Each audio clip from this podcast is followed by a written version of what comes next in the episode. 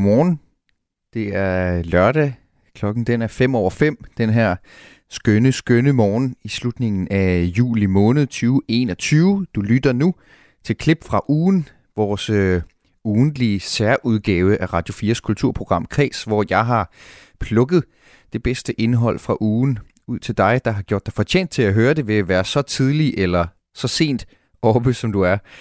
Jeg håber, du har øh, kaffe på kanden og måske noget lækker til ganen, fordi den næste time frem til øh, klokken 6, der vil jeg servere lidt godt til din øregang. Mit navn det er Mathias Wissing. Jeg er journalist og tilrettelægger på Kreds. Velkommen til.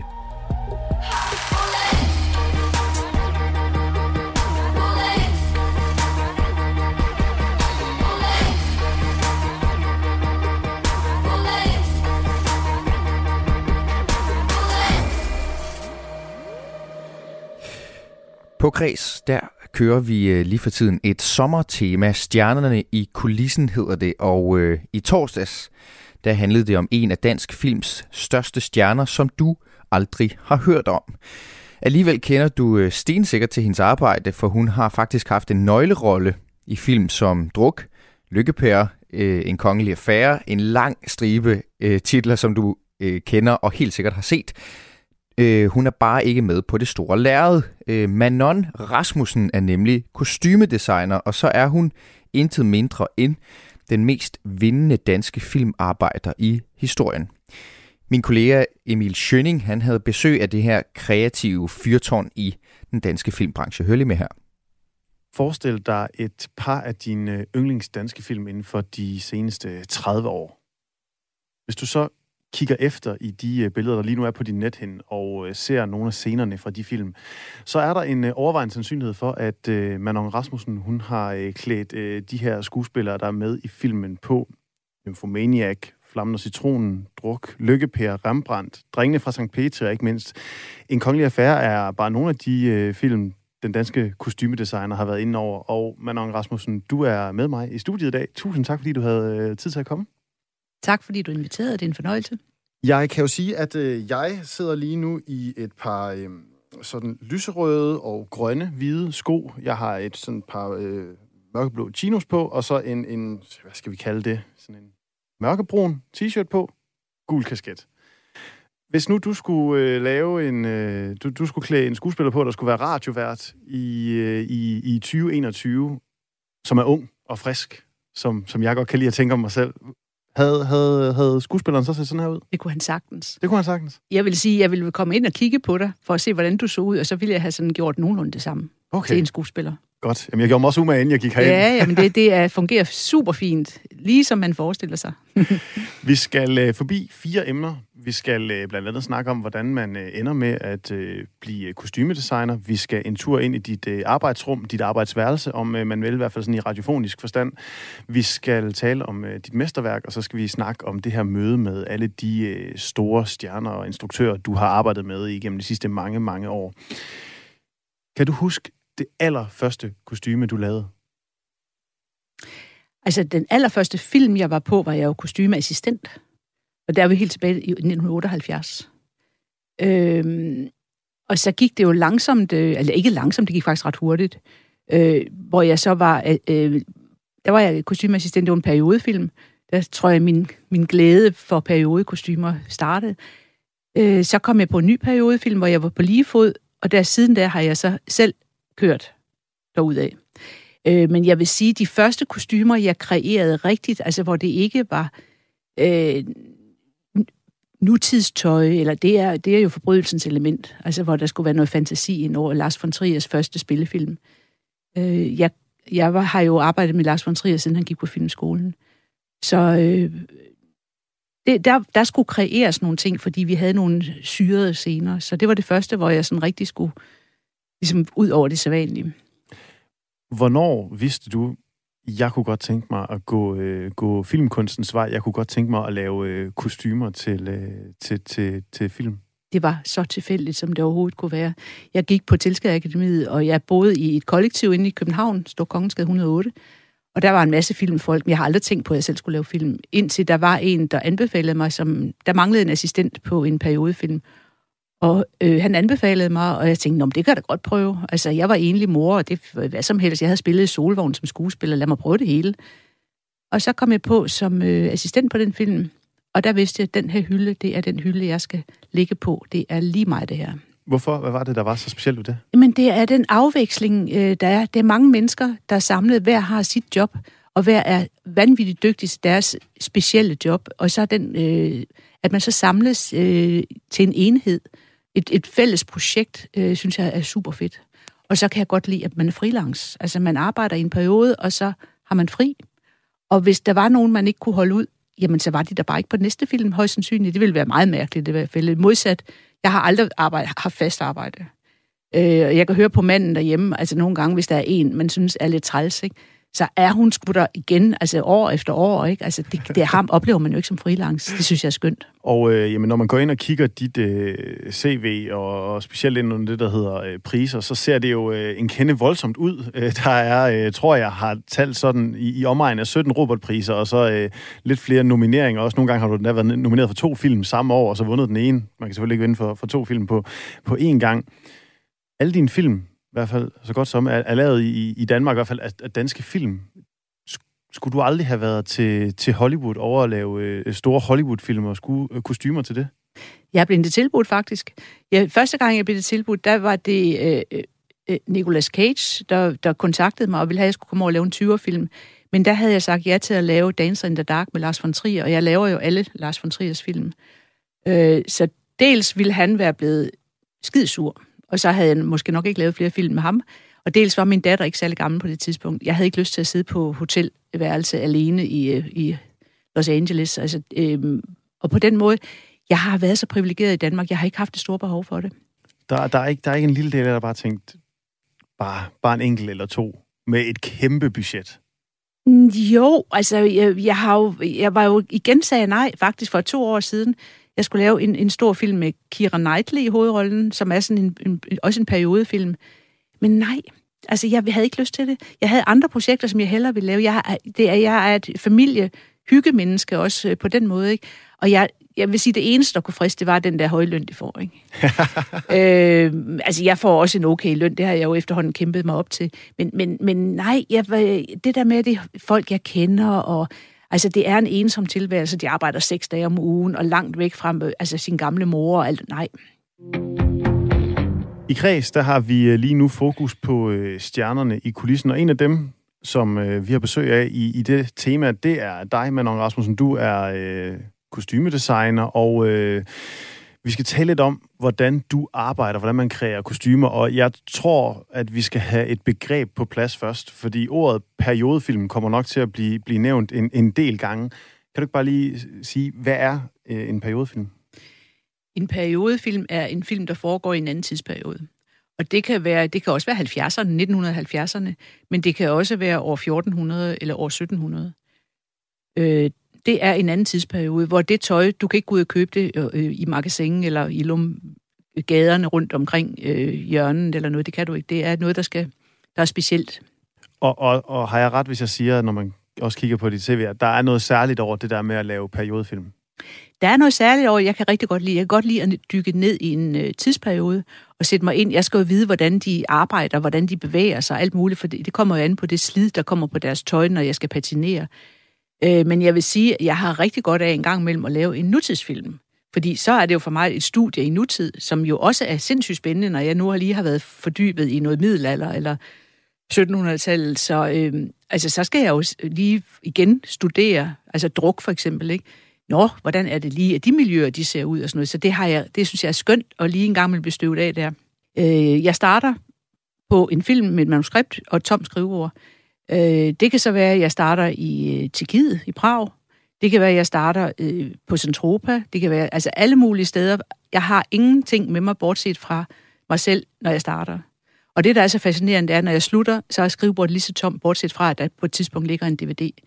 Øh, det er jo, altså alt, alt indimellem, det, det hyrer jeg ind og indretter efter, hvad det er for en film, jeg skal lave.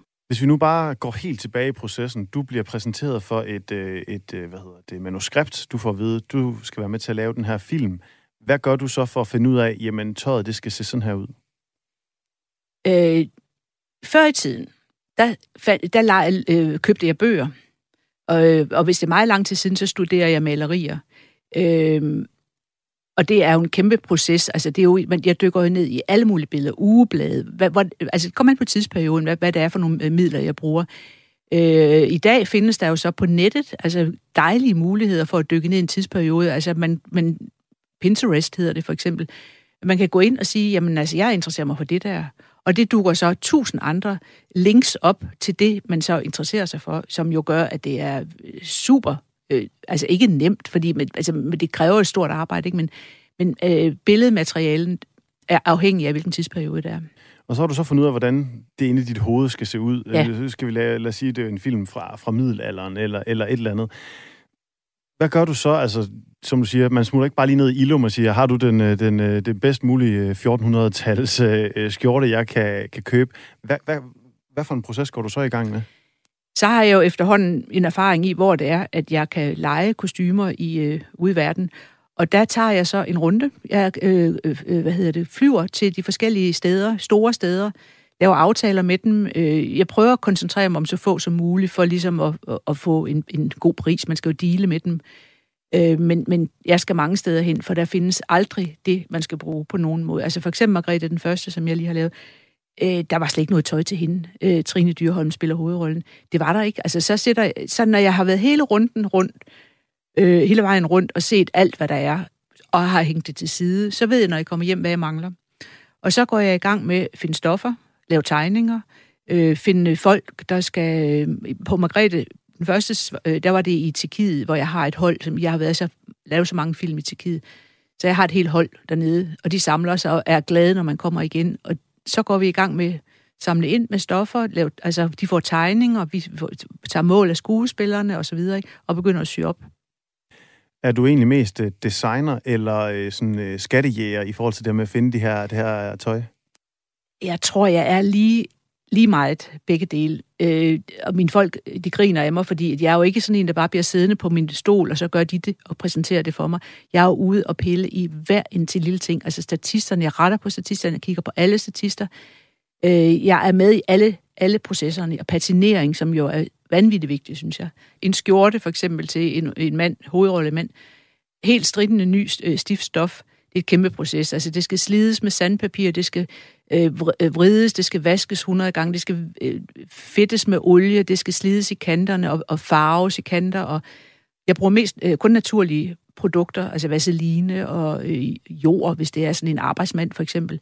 Øh, og hele tiden i forhold til, hvis det er en mand, der, der arbejder og kravler rundt på knæ, så skal hans knæ jo have en ordentlig omgang, eller hans albuer, eller hele den der proces med at sætte sig ind i, hvad er det her for et menneske? Hvad er det, han laver?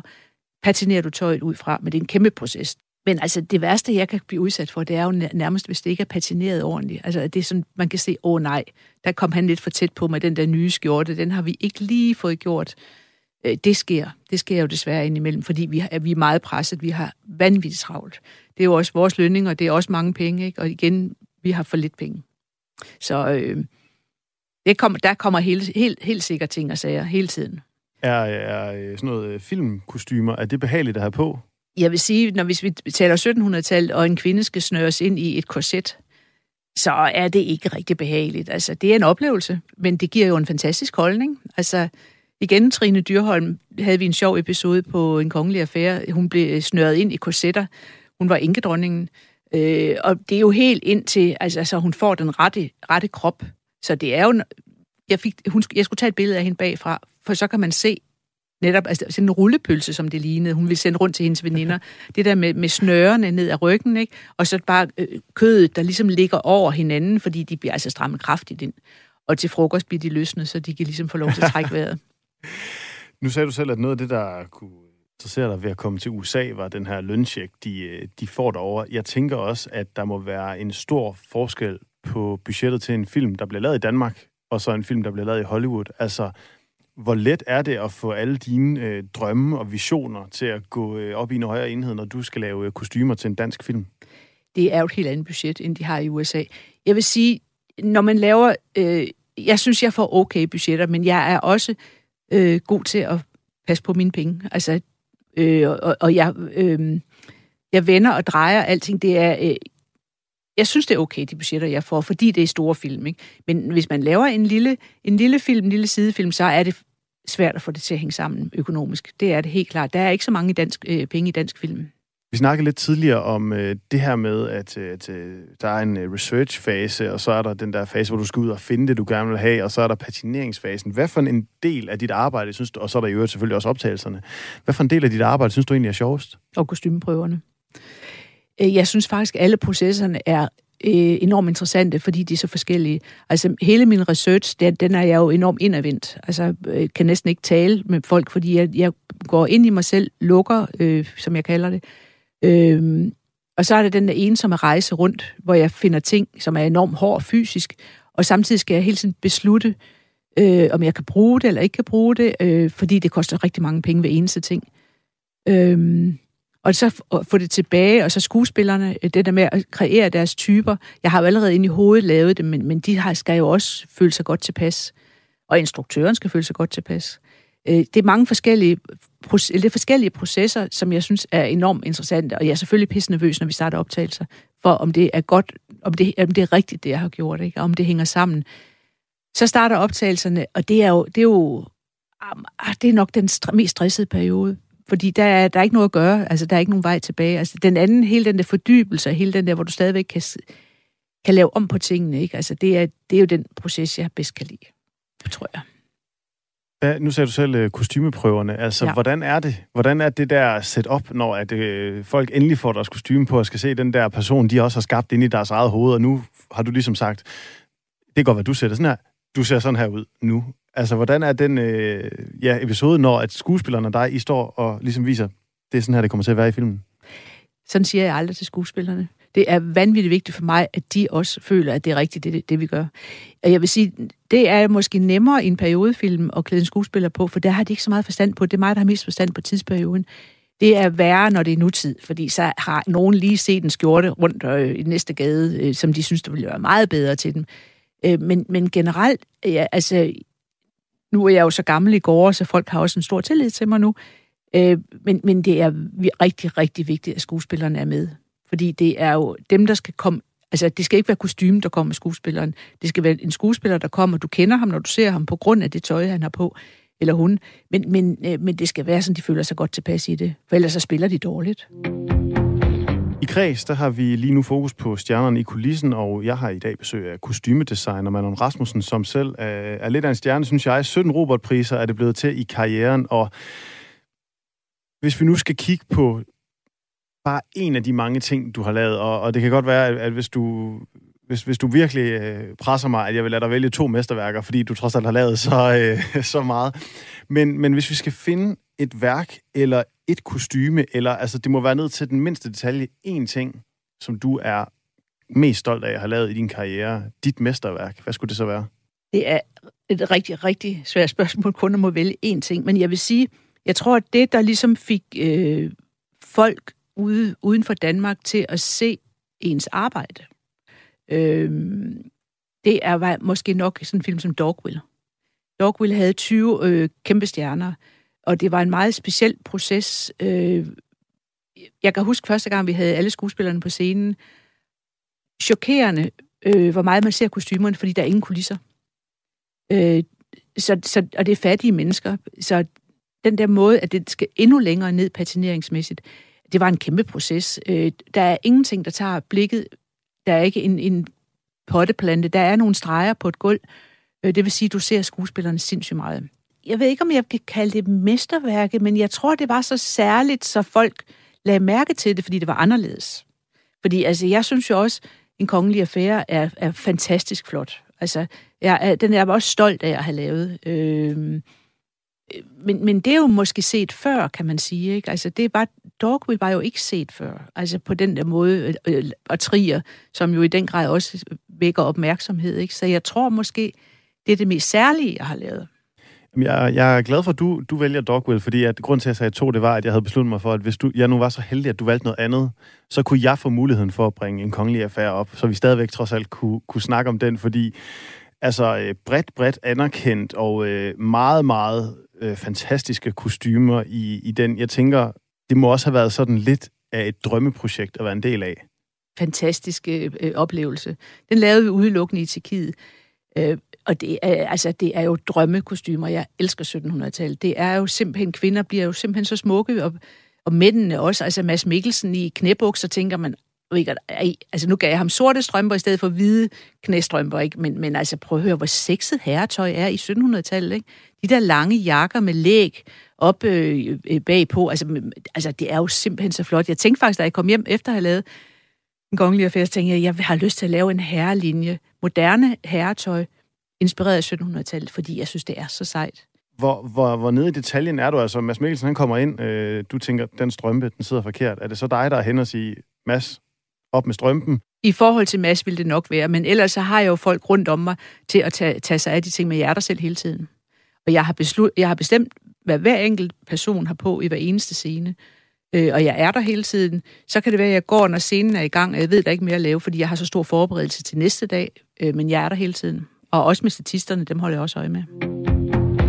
Vi taler om øh, stjernerne i kulissen, og en af dem, det er kostymedesigner Manon Rasmussen, som øh, jeg har besøg af lige nu. Øh, Manon har vundet masser af Robert-priser, og øh, i øvrigt også internationale priser for sit arbejde med kostymer i, øh, i danske film. Og Manon, du har jo mødt, øh, fristes jeg næsten til at sige, vel sagt en skud, og, øh, og være i, i, i dansk film, både skuespiller og øh, instruktør, og selvfølgelig også en masse øh, internationale.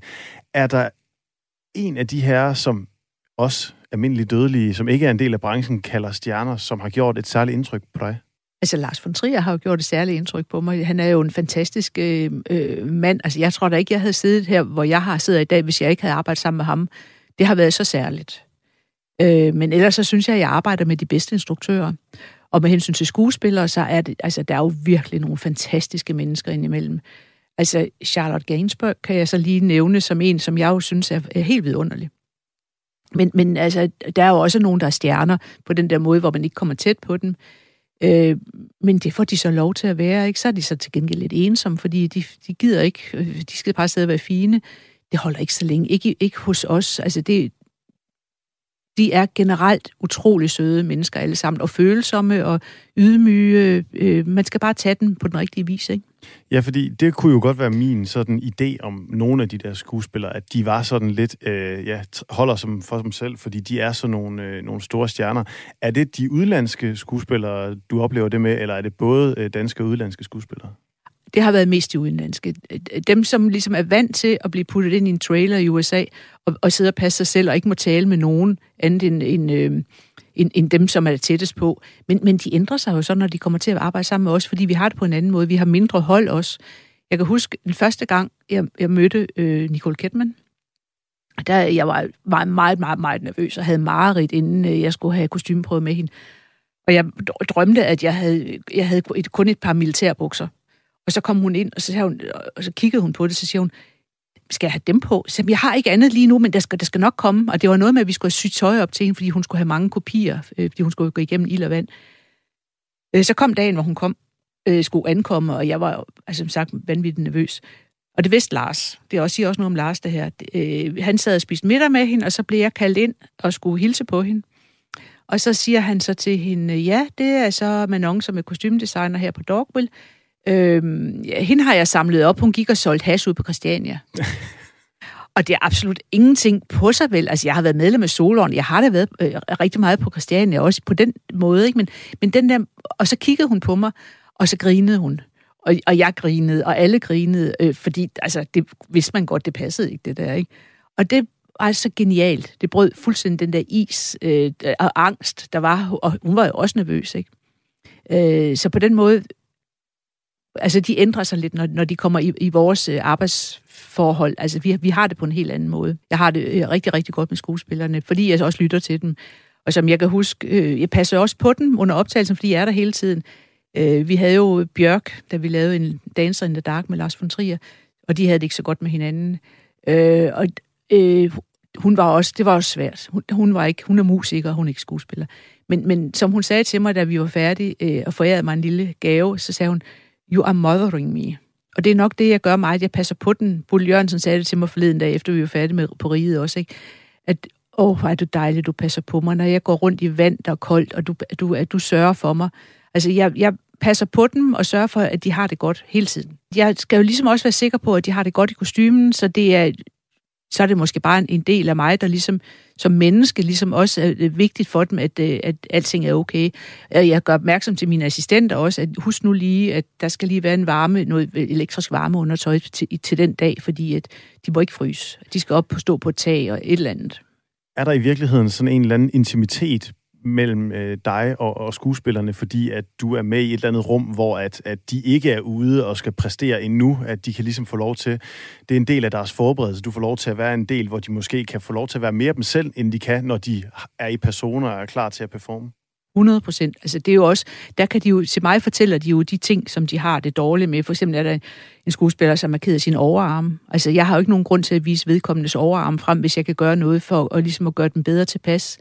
Eller en synes, at, at øh, hun har for tynde læge og gerne vil have lidt mere... Altså, jeg, jeg prøver at øh, indpasse sådan, eller ingen talje, du ikke, og der er ingen grund til, at jeg skal prøve at fremhæve noget dårligt, hvis det gør dem ked af det. Altså, jeg, vi, det er et samarbejde, og det går jeg jo ikke ud og fortæller, nå, altså, nej, nu har hun den kjole på, fordi hun har altså simpelthen absolut ikke nogen talje. Altså, det er jo... Det, det, det er jo et meget intimt og tæt forhold, jeg har til dem. Og øh, jeg tænker også, du nævnte ham også som det første. Vi bliver nødt til at tale om dit uh, samarbejde med Lars von Trier. Hvad er det, der har gjort, at I to bare ligesom på en eller anden måde klikkede sammen for mange år siden, og så bare holdt fast siden? Øh, ja, hvad kan det være? Altså, det var jo først på filmskolen, der jeg, jeg hjalp ham, og, og det... Altså, vi, vi, vi snakker aldrig specielt meget sammen. Altså, han er ikke med til kostymeprøverne. Han er lige med til de første to-tre stykker eller sådan noget. Men ellers så lader, ham, lader han mig gøre det. Øhm, og så håner han mig lidt og siger, at jeg giver ham tre bud på hver øh, kostume, og så øh, laver jeg et, som jeg gerne selv vil have, og så laver jeg to grimme. Øh, det er ikke rigtigt, men, men, men måske, det ved jeg ikke. Ubevidst får jeg det da altid, som jeg gerne vil have det, synes jeg. Men, men øh, vi, vi holder bare meget af hinanden, synes jeg. Jeg holder i hvert fald sindssygt meget af ham. Han synes selvfølgelig også, at jeg er lidt irriterende. Øh, specielt hvis jeg kommer, hvis det er en 60'er-film og giver dem hat på og sådan noget. Ikke? Han hader hatte. Så det, det er sådan en hån, jeg altid... Øh, for, nå, du skal ikke få mange hatte på den her film. Jeg gik ind til øh, det her øh, tema sådan lidt med en tanke om, om øh, de her stjerner i kulissen, vi skulle tale med, om de følte sig anerkendt nok, og svarene har været meget for forskellige, synes jeg. Altså, synes du, at, at dig som kostymedesigner og dine kolleger, synes du, I får den anerkendelse, I fortjener for jeres arbejde? Jeg synes, jeg gør. Jeg synes, jeg bliver så er så forkælet, jeg, bliver så anerk- jeg er så anerkendt, og folk øh, giver, øh, fortæller mig det, og folk vil så gerne arbejde sammen med mig, og jeg får de gode, bedste opgaver overhovedet. Men generelt, eller vil jeg så sige, de, de, de, de små, nye unge, øh, som laver en, en øh, nutidsfilm, ikke? det er, de bliver ikke rigtig anerkendt. Det synes jeg ikke, det gør. Det er jo, fordi jeg laver de store projekter. Øh, det er ikke lige den Altså, det er skuespillerne og instruktøren, der er interessant. Måske fotografen, ikke? Men, men nej, det synes jeg ikke. Ikke i, i, mindre, i de mindre film. Det er jo noget med penge, og så gør man det... Så, altså, nogle gange så tager man så lige en der, en, der også kan sminke lidt, eller sådan noget. Ikke? Det er jo en, en mangel på respekt for, for det arbejde, som der er.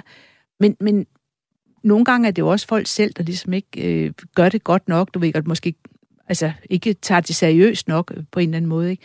Men det i sidste ende er det jo pengene, der, der ligesom ødelægger det, synes jeg. Manon Rasmussen, jeg har flere gange undervejs i vores samtale her nu ligesom sagt, øh, at øh, stjernerne i kulissen, og en af stjernerne, det er dig. Betragter du dig selv som en stjerne? Nej, det gør jeg ikke. Jeg er en hårdt arbejdende kvinde. Øh, jeg, jeg vil sige, at jeg bliver... Jeg, jeg, jeg, hver gang der er en Robert-uddeling eller noget, og jeg ikke vinder, jeg bliver så skuffet, jeg bliver så ked af det øh, og tænker, jamen det er heller ikke godt nok, det jeg gør, og så videre. Ikke? Jeg, øh, jeg, vil aldrig, jeg vil aldrig synes, jeg er god nok. Altså ikke, altså god, ikke sådan, jeg går og har komplekser over mig selv, fordi jeg, jeg elsker, når folk anerkender mit arbejde, ikke? men jeg vil blive ved med at være kritisk over for det, jeg laver, så jeg kan gøre det endnu bedre næste gang. Altså endnu bedre, endnu bedre. Du øh, slår mig som en, der er, der er meget ærlig. Og øh, nu, øh, nu prøver jeg at vente den om og sige, hvis jeg nu spurgte Bodil Jørgensen og Trine Dyrholm og Lars von Trier, Tror du så, de vil sige, at Manon Rasmussen var en stjerne? Ah, Trier, han vil grine og sige, ah, hun er også lidt irriterende. øh, men det tror jeg, jo, det tror jeg, de to andre, de, de, vil, de vil synes, at jeg var stjernen hos mig, og jeg synes, de er stjerner hos dem. Altså, der har vi jo hver vores områder. Men der er ingen nogen tvivl om, at jeg har det meget, meget godt med skuespillerne, og de sætter stor pris på, når det er mig, der skal lave kostymer til dem. Jeg ved godt, du har sagt øh, nej et par gange til at tage over til Hollywood. Det er også nogle gange det der med, hvis man siger nej til noget, så kan det godt være, at de lige pludselig så synes de, at det er lidt mere interessant. Hvem skulle ringe over fra, fra Hollywood, før du var, okay, nu så kan det godt være, at jeg bliver nødt til at sige nej til et dansk projekt, fordi vedkommende vil jeg altså bare gerne arbejde sammen med? Mm, yeah. det ved jeg sgu ikke. Jeg er faktisk jeg er ikke særlig øh, sådan snobbet. Altså, jeg, det ved jeg ikke. Altså, nu, nu har jeg lige siddet, jeg er jo med til at stemme, hvem dem der får Oscar'ne. Øh, og, og, og den film, som jeg synes var den allerfedeste, det var faktisk en helt sådan stille film, jeg ikke husker, hvad den hedder. Det har med trommeslageren, øh, metal, øh, Sound of Metal. Øh, prøv at høre, sådan en film, som er så anderledes. Sådan, dem der, ham, der har lavet den, det synes jeg er interessant. Altså, i stedet for, at det bliver sådan noget, mm, altså, Hollywood, øh, det, det er noget, man har set før, eller sådan noget. Ikke? Det behøver ikke at være Spielberg eller noget for min skyld. Altså, jeg synes, det er sjovere at lave noget, der ligesom er anderledes. Ligesom Trier. Ja, fordi det er bare sådan en som mig, der bare tænker, at det kunne være vildt fedt at arbejde sammen med Tom Cruise, hvorimod at for dig er det måske mere selve projektet, det handler om. Ja, det er det. Det er jeg ligeglad med. Det, jeg synes, jeg har mødt så mange spændende øh, skuespillere. Det her, ja, det, det, nej. Jeg kan huske, vi lavede Dogville, og så fik Nicole Kidman besøg af sin gode ven Russell Crowe. Han fløj lige ind, lukkede, øh, øh, hvad hedder det, lufthavnen og i Trollhætteren og kom på besøg. Og der stod jeg med 20 af verdens største skuespillere. Men Russell Crowe, der pludselig kom ind og gav hånd og, og, og, og hilste på, og skulle lige have en rundvisning, inden han skulle spise middag med Nicole. Det synes jeg var helt vildt fedt. Så altså, det er jo sådan noget helt banalt, fordi jeg synes, han var super fed. Jeg har lige set en film med ham eller sådan noget, men ellers har jeg ikke noget. Nej, jeg synes, øh, jeg elsker Mads Mikkelsen. Jeg elsker øh, de skuespillere, jeg arbejder sammen med, fordi øh, de er spændende, interessante. Jeg ved ikke, om det er Tom Cruise sikkert også, men han behøver ikke møde. Og hvad skal man også med øh, Tom Cruise, når man er vant til Mads Mikkelsen? Du hørte altså kostymedesigner Manon Rasmussen, flat out den mest vindende danske filmarbejder i historien herhjemme, som havde talt med øh, Emil Schønning som led i det her sommertema, vi har øh, haft på kreds, hvor vi taler med nogle af de skjulte kræfter, der ikke nødvendigvis arbejder direkte i rampelyset, men som alligevel faktisk er nogle af de vigtigste personer i branchen. Hvis du vil høre mere fra vores øh, sommertema om stjernerne i kulissen, så kan du finde alle udgaverne ved at finde Kreds som podcast.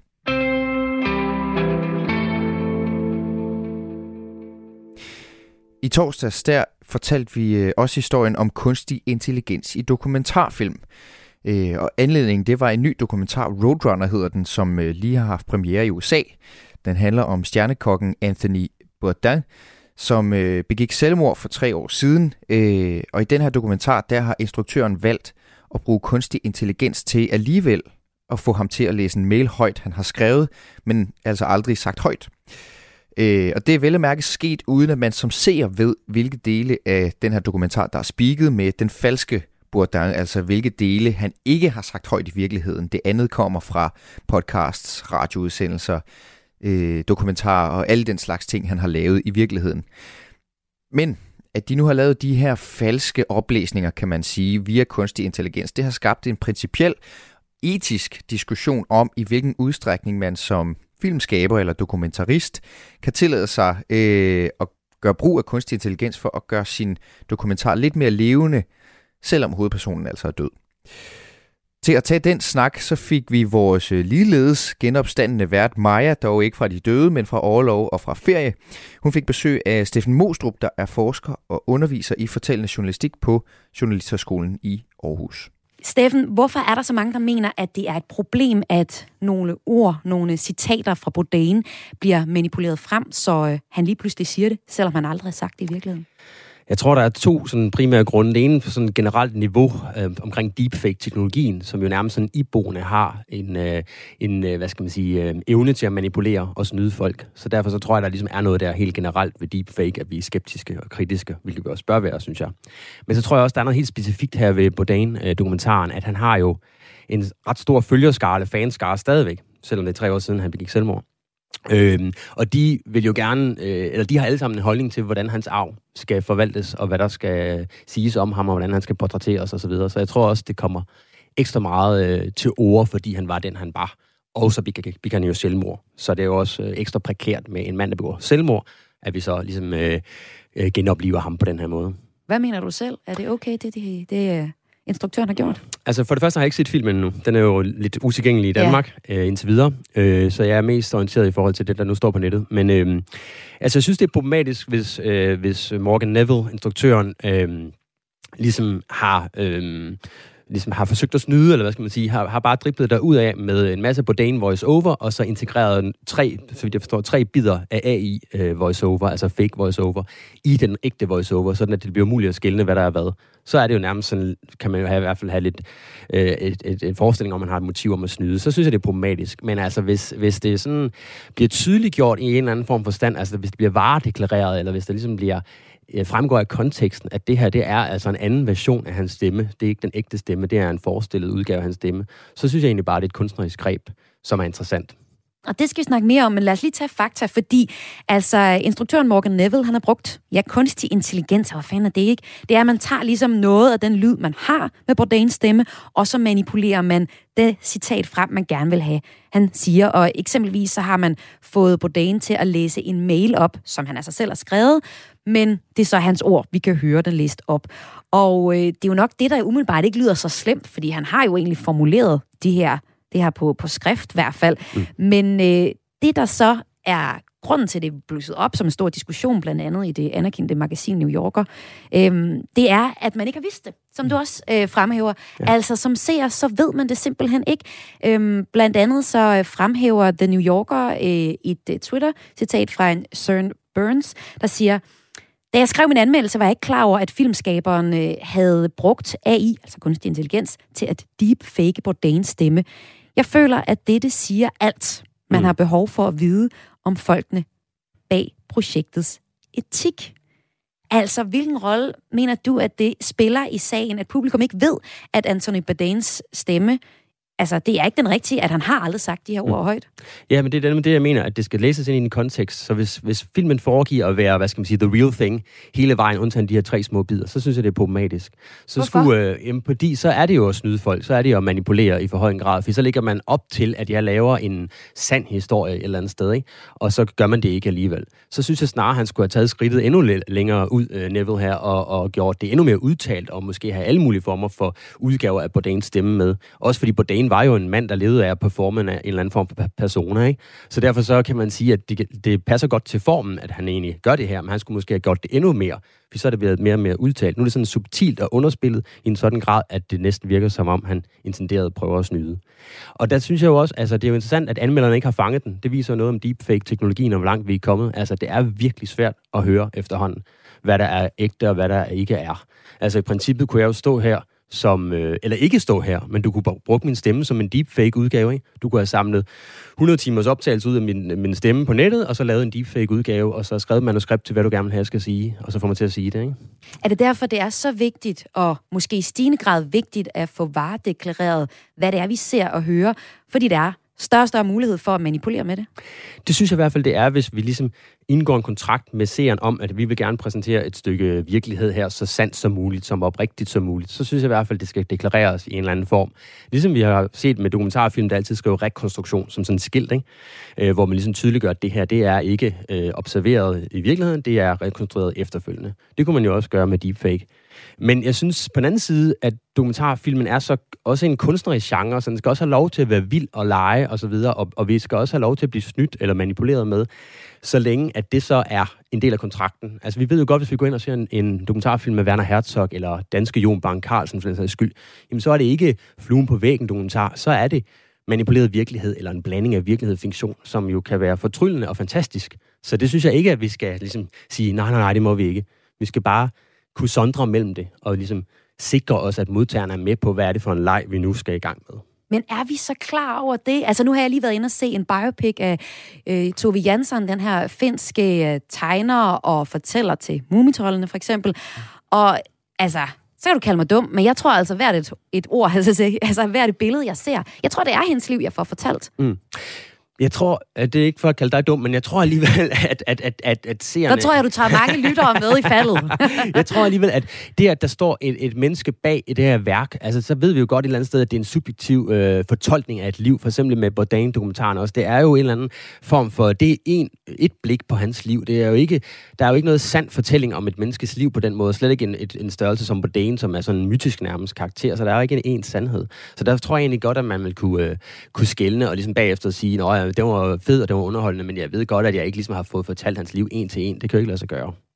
Men det, som instruktøren har gjort her, er jo meget lidt. Altså, hvis vi lige forholder os til det her med at få læst et brev op med hans mm. egen stemme, altså er det ikke bagatelgrænsen, der er blevet trukket frem, som om det er et stort problem? Jo, det kan man godt sige, fordi han selv har lavet ordene, eller skrevet dem mm. i en e-mail. Det var dog en e-mail, som ikke var tiltænkt offentliggørelse nødvendigvis, så det kan vi jo ikke vide, fordi han er jo død, ikke? Mm. Men så vidt jeg har forstået, er der også to andre steder i filmen, ja. så, hvor der er en AI, eller en deepfake udgave af stemmen, og jeg mm. tror ikke, det kom helt frem endnu, hvor det er. Og Nej. det er jo også sådan lidt, nå, øh, er det, og så er det jo virkelig svært at afkode. Det er jo et eksempel på, det er utrolig svært at afkode, og man næsten kan sådan få en fornemmelse af, at jeg ved, om det er sådan en del af en PR-strategi. Nu røber han en ting i New York, og så om lidt, så kommer der en anden indrømmelse lidt senere for at holde filmen i gang. Ikke? Så man kan næsten forestille sig, at det var sådan en PR-strategi, frem for sådan en ting, der var indlejet i narrativet, som jeg jo synes, det burde have været. De her diskussioner om etik, fylder det egentlig nok i vores øh, debat, når der kommer for eksempel nye dokumentarfilm ud? De kommer jo hele tiden. De kommer hele tiden, og nu står vi jo her og snakker om det, så på den måde er der jo i hvert fald en eller anden form for, for, for opmærksomhed. Og jeg synes også, i takt med, at fake news er jo blevet øh, et, et greb, som, øh, eller begreb, som rigtig mange har hørt om og kender, også folk, der ikke arbejder med medier og journalistik. Så jeg tror, på den måde er der jo opmærksomhed omkring det, og man ved godt, at noget er, er falsk, eller kan manipuleres og iscenesættes og konstrueres osv. Og, øh, og jeg synes også, at branchen er opmærksom på den, fordi man ved jo godt, at altså, journalistikken har jo forskellige kriser kørende, ikke? og en af dem er, er en tillidskrise, så allerede der er der jo behov for at etablere eller fastholde en, en tillid, som kan gå fløjten, hvis man ligesom øh, tager alting for gode varer, for eksempel øh, materialer, man får tilfældet fra kilder, hvis man ikke får verificeret, at det faktisk er ægte videomateriale. Vi er jo vant til, at video et eller andet sted, hvis vi ser en video, så har vi været vant til, at så har det fundet sted, fordi det er meget, det kan man ikke bare manipulere, men det kan man altså nu, og man kan gøre det i sådan en grad, at det er nærmest krop umuligt at finde ud af, hvad der er ægte og hvad der ikke er. Og, og så igen, så det bliver vigtigere og vigtigere at deklarere, hvad det er, vi har med at gøre. Det bliver vigtigere og vigtigere at deklarere, hvad vi har med at gøre, og det bliver også vigtigere og vigtigere for branchen, og, altså for dokumentarister og for journalister, at få nogle evner, eller finde folk, der har evner til faktisk at afkode materiale og finde ud af, er det her materiale faktisk konstrueret, eller er det virkeligt? Hmm. Ja, fordi et andet eksempel, vi så, måske var det tidligere i år eller sidste år, jeg husker det ikke helt, det var Kurt Cobains stemme, der var blevet øh, lavet i kun, altså en, igen, kunstig intelligens havde øh, lavet en sang, hvor han sang, at Kurt Cobain fra Nirvana er død for lang tid siden, men det fik jo slet ikke noget negativ omtale. Nå. Er det, fordi man gik ud og sagde, prøv at se her, hvad kunstig intelligens har gjort? Jamen, er jeg synes også, ja, og der, der synes jeg også, at der er jo også en kunstnerisk potentiale ved kunstig intelligens og, og ved uh, deepfakes. Jeg synes, uh, det skal man ikke fornægte. Man skal ikke sådan kun sige, at det er negativt. Jeg synes i høj grad, at det kan noget. Altså, uh, der, der er sådan en, uh, en uh, kontrafaktisk uh, historieskrivning, der hedder uh, In the Event of Moon Disaster, som handler om, hvis Apollo 11-missionen var gået galt, og de var blevet på månen, altså omkommet på månen, hvad så? Og der ser man faktisk en ret overbevisende skildring af det, inklusiv en deepfake-udgave af Richard Nixons øh, negative tale. Altså mm. ikke en hmm. fejring af, at det gik godt, men en, øh, en skæbne, svanger øh, død, de jo så fik på månen, som var en tale, der, apropos øh, Baudin, øh, en tale, der også var blevet skrevet, som lå klar i skuffen, hvis de nu omkom på månen. Nej, ja, det skal jeg lige forstå. Er det, er det noget, nogen har lavet her efterfølgende? Det er noget, nogen ja. har lavet efterfølgende, og som er meget overbevisende, og som ligesom har det der, det viser det der kreative kunstneriske potentiale ved deepfake, synes jeg, fordi den får virkelig ind til at tænke over, gud ja, men de der månelandinger, de kunne være gået galt, og hvad kunne vi så have haft af refleksioner og tanker over det? Altså, det ville jo ikke have kunne lade sig gøre uden deepfake-teknologien, i hvert fald ikke så overbevisende, som det, som det sker i den øh, lille, sådan, det sådan en fem minutters dokumentar. Altså, hvad bliver det næste? Er det en, øh, en helt dokumentar om ja, altså Nixon eller noget, hvor vi slet ikke behøver at have nogen skuespillere med, fordi det hele det er deep fake, for man kan også gøre det her med video. Ja, altså. det kan man nemlig, og man kan jo gøre, altså Salvador Dali for eksempel genopstod også for nylig, altså i sådan en, jeg tror det var et museum, der havde gang i noget med Salvador Dali, hvor man sådan sidder og tænker, er det en, er det en skuespiller, der portrætterer Salvador Dali, for det er der jo masser af skuespillere, der ja. har gjort, men det er faktisk en deepfake udgave, så er ligesom er så tæt på at være Salvador Dali. Altså nu ved vi selvfølgelig godt, at han er død, eller de fleste går ud fra, at han er død, ikke? Der er ikke så mange, der tror på, at han er levende, ligesom Elvis og så videre. Men, men der er man igen i tvivl, altså så den der tvivl, den nærer jo, men altså tvivlen kan jo også bruges som en kunstnerisk redskab og, og tilføje noget ambiguitet og så videre. Ikke? Så jeg synes igen, at vi skal sådan... Det er virkelig tvækket svært. Altså, for den rendyrkede objektive færre journalistik er det selvfølgelig meget problematisk, men for den legesyge dokumentarist, der er det et plus.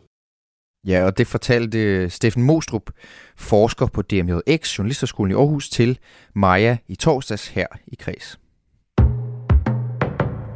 Du lytter til klip fra ugen, hvor jeg, Mathias Wissing, har lyttet vores indhold igennem og håndplukket det aller, allerbedste til dig den her lørdag tidlig i morgen.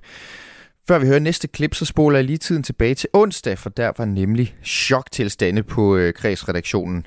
Maja, hun sad og øh, klikkede lidt rundt i opgørelsen over bibliotekspenge, det vil sige den her øh, statistik over, hvem der modtager flest penge årligt fra de danske folkebiblioteker. Og her viste sig, at det hverken er Jussi Adler Olsen, Hanne Vibeke Holst eller Olga Ravn, der ligger godt til, men derimod en stribe for os, må vi øh, med skam indrømme, mere eller mindre ukendte navne. Fælles for alle de ukendte navne var i midlertid, kunne vi se hurtigt, at de skriver børne- og ungdomsbøger.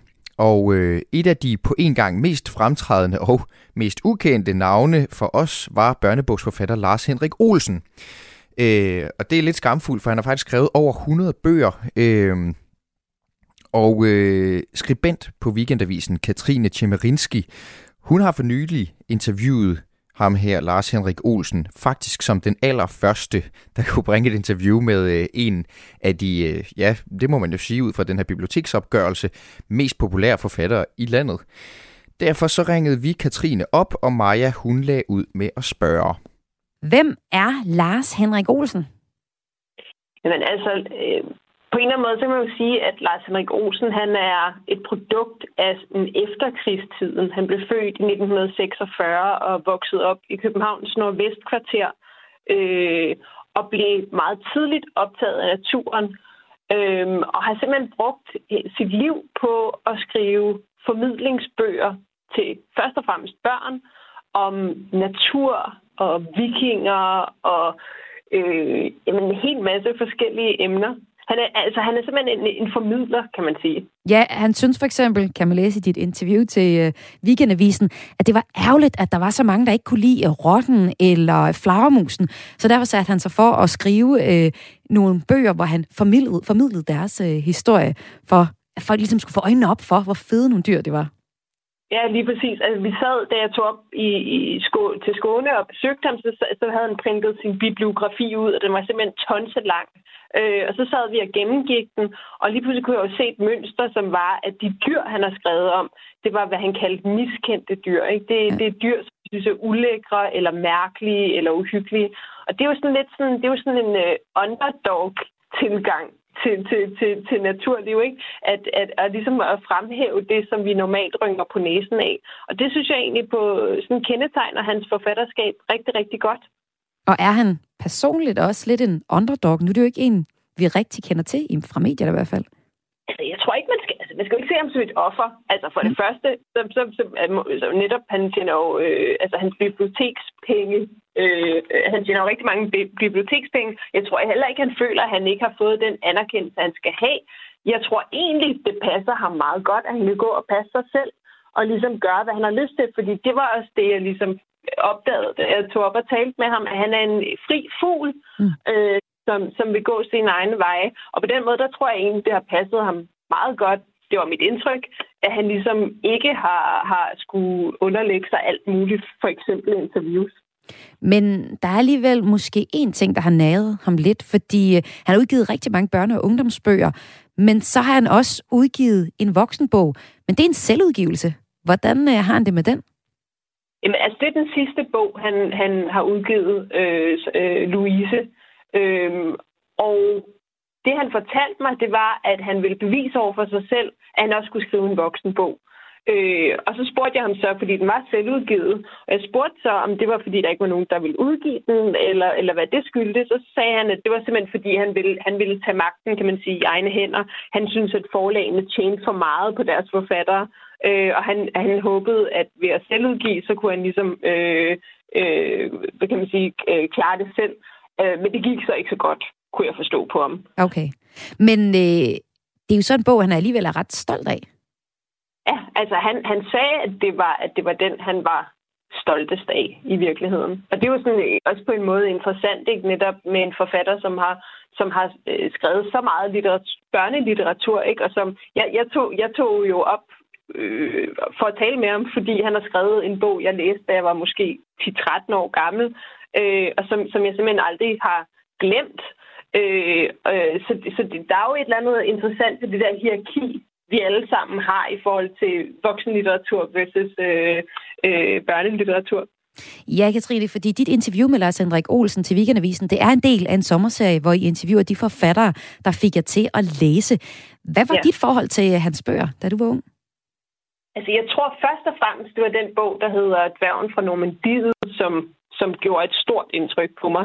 Øh, og den er baseret på Bayeux-tapetet, øh, men han har så lavet begreb, at, at man får fortalt historien om Bayeux-tapetet gennem en lille gruppe sypiger, som sidder og syr det. Øh, og, og, og jeg har gået og tænkt meget over, hvad det egentlig var ved den bog, der gjorde så stort et indtryk på mig, men, men jeg tror, at det var dels det der med øh, øh, det historiske aspekt selvfølgelig, som jeg synes var spændende. Altså det, det foregår i sådan omkring år 1070. Øh, men jeg tror simpelthen også, det der, altså det er faktisk en enorm feministisk bog. Øh, på bogens allerførste side, og det var jo ikke noget, jeg tænkte over, da jeg læste den som barn, men da jeg så genlæste den i forbindelse med, at jeg skulle op og besøge Lars Henrik, så, så læste jeg den op på, på den allerførste side, øh, så, så er der sådan et helt fantastisk citat, hvor øh, øh, lederen af, af det her kloster, øh, hun står og indgyder de her sypiger sådan energi og siger sådan, at mændene har skabt historien, og de har bygget broer, de har gjort alt muligt, men vi laver også historie, ikke? ved at sy de her ting. Og, og da jeg læste det, så tænkte jeg, at det var helt vildt feministisk. Øh, det afviste han så. Han sagde i hvert fald, at det var ikke et feministisk agenda, han havde, men, men, men det, fordi han, gjorde, han skrev bare det, fordi det må, bare, det var sådan, det havde været. Det var sygepiger, der, der lavede bagøtapetet. Men jeg synes, altså jeg kan ikke lade være med at tænke, at måske så greb den bog mig, fordi han skrev på en måde, der gjorde, at jeg ligesom som en ung pige øh, følte mig set og anerkendt. Og Lars Henrik Olsens øh, bøger er jo så nogle af dem, der høster flest øh, penge hjem til ham, altså via lidt af øh, bibliotekspengene. Mm. Og øh, der er flere af dem, der ligger i toppen den her liste øh, fra i år, som ikke er kendt i den brede offentlighed. Alligevel så er de hævet over, altså det er over en halv million kroner hjem i år, og flere af dem er så ukendte børne- og ungdomsbogsforfattere. Jeg tænker, som litteraturredaktør, kan du så komme med en grund til, at det forholder sig sådan, at der er simpelthen nogle bøger, der bliver læst i hobetal. Det må vi i hvert fald gå ud fra, at de gør, siden at bibliotekerne bestiller dem hjem. Men hvor vi slet ikke kender forfatterne. Altså, jeg tror altså, at altid stille spørgsmålet, hvem kender dem ikke? Øh, fordi det kommer jo også an på, altså, øh, bare fordi, at, at en forfatter ikke bliver øh, interviewet i weekendavisen, så betyder det jo ikke, at de ikke er forfatter, og det betyder jo ikke, at de ikke har et stort publikum og en stor fanbase rundt om i landet.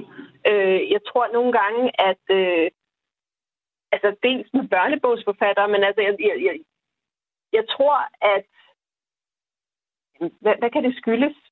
Det ved jeg faktisk ikke. Det er et godt spørgsmål. Jeg kan også øh, opfølgende måske drille jer lidt og spørge. I har Weekendavisens bogsektion, øh, men hvis man bladrer igennem den, det har du også selv øh, fortalt mig, inden øh, vi taler sammen her i øh, live-radioen, at det er jo faktisk ikke dem, der er flest af på bibliotekerne, som I skriver mest om. Mm-hmm. Var det Men ikke altså, det, man kan jo, man kan jo sige med, med, med, med en forfatter som ham, han er jo sådan, det er jo, altså lige med sådan en som ham, han er jo et godt eksempel, ikke? fordi at man glemmer, hvad man læser som barn. Og det er jo i virkeligheden det, som den her serie også er en god øh, påmindelse om. Ikke? Man læser nogle bøger som børn, og de former en, og de øh, øh, altså, øh, har, har stor betydning for, hvem man bliver. Så bliver man voksen, og så begynder man at læse nogle helt andre forfatterskaber. Men jeg tror da i hvert fald, at min, kan man sige, det jeg har taget med fra den her, det her møde med, med Lars Henrik, det er netop at sige, hvad er det egentlig for nogle bøger, som børn går rundt og læser? Hvad er det egentlig for nogle historier, de går rundt og læser? Fordi det, øh, det, det er vildt spændende og vigtigt at tage fat i. Ja, og det sagde Katrine Tjemerinski, der også selv er børnebogsforfatter, men som derudover er skribent og assisterende redaktør på Weekendavisen, og det var i den funktion, hun havde talt med Lars Henrik Olsen.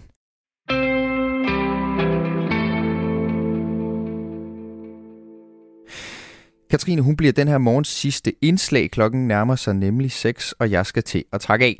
Kreds er øh, tilbage på mandag kl. 14. Og øh, hvis du ikke kan holde ud at vente så længe, så kan du som altid finde alle kredsprogrammer som podcast på Radio 4's website, i appen eller i det hele taget, hvor som helst du lytter til podcast. Mit navn er Mathias Wissing. Tak fordi du lyttede med. Rigtig god lørdag morgen.